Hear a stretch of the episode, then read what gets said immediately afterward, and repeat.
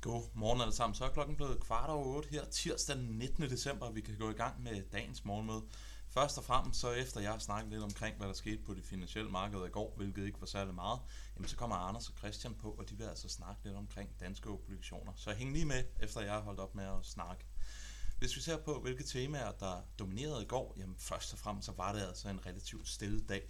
Vi så en lidt sværere end ventet tysk IFO, og den indikerer altså, at vi ser stadigvæk en tysk økonomi, som har nogle gevaldige vækstudfordringer.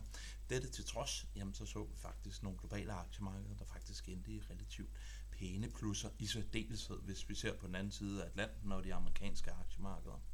Vi så en stigning i de lange renter. Det var ikke så voldsomt for det amerikanske marked. Jamen, der så vi altså bare den 10-årige amerikanske statsobligation stige med to punkter. Men fokuserer vi på den tyske, jamen, så endte vi altså hele 6 punkter op i, i går. Bank of Japan her for morgenstunden, de holder renten uændret. Reaktionen det er, at vi ser, at øh, yen den svækkes, og aktiemarkedet det styrkes. Og udover det, jamen, så er der altså i øjeblikket lidt uro for den her øh, konflikt, altså Israel-Gaza-konflikten, og den ligger altså og spreder sig til det røde hav hvor at der er nogle skibe, der er på vej op igennem Suezkanalen, som ligger og bliver beskudt, og det betyder altså, at der er flere og flere rædderier, som nu begynder at sende deres skibe helt vejen syd om Afrika for at undgå den her, øh, ja, det her hav. Og det begynder altså at skabe lidt frygt for, at vi skal se sådan en øh, opbremsning i globale forsyningskæder. Det er det, som vi så op igennem 2021. Så det bliver rigtig, rigtig spændende at følge den situation over de kommende par uger og måneder. Ser vi på slide nummer 4, S&P 500, det fortsætter altså bare med at stige, og jeg ved godt, jeg lyder som en plade, der er gået i hak, men det er altså stort set hver dag, at vi ser en positiv dag på S&P 500. Vi står under 1% fra at sætte nye all-time high, så det kan vi altså klar på ja, stort set en dags afkast. Så det bliver spændende at se, om vi i 2023 får sat nye rekorder for S&P 500. Og så har jeg taget den her sæsongraf med. De mørkeblå bare, det er hvordan afkastet på S&P 500 historisk er kommet ud gennemsnitligt for måned for måned, og de tyrkisblå bare, det er altså hvordan det kommer ud for 2023. Så som sagt utrolig mange gange før. 2023, det følger altså kalenderen, ja, stort set øh, 100%. Det eneste, der afviger fra det historiske, jamen det er altså niveauet på afkastene, som op gennem 2023 har været markant bedre end det, som vi historisk har set. Hvis vi ser på en simpel ASI, bare for at få en indikation på, om det her det er kørt for langt, jamen så kan vi da konstatere, at amerikanske aktier, det er altså overkøbt.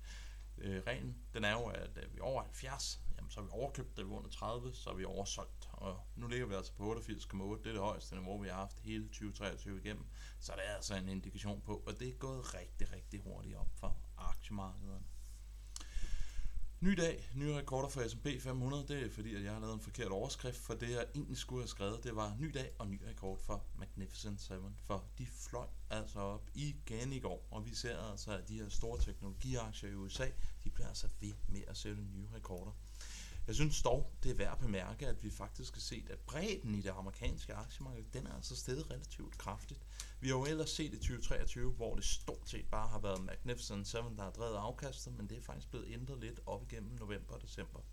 Og laver vi den antagelse, at Magnificent 7 havde givet 0% i afkast, jamen så havde du faktisk opnået et afkast på 8,19% fra øh, alle de andre aktier i indekset. Så SP 500, sagt lidt meget ord, havde ligget næsten øh, lidt over 8% op, hvis de her store teknologiaktier havde givet 0% i afkast.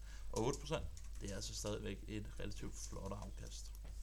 Min sidste graf, hvad kommer der til at ske i dag? Jamen det er altså relativt stille i øjeblikket. Vi får noget housing starts fra USA, så er der lidt centralbanks fnider fnader, som nogle forskellige medlemmer, der skal ud og snakke. Jeg tror ikke, det kommer til at rykke markedet så meget. Så er der fokus på det røde hav, om øh, den her situation kommer til at eskalere, eller om øh, de vestlige flåder kommer til at få styr på situationen. Men samlet set, så er det altså nok en relativt stille dag, vi går imod. Og så vil jeg overlade ordet til dig, Anders.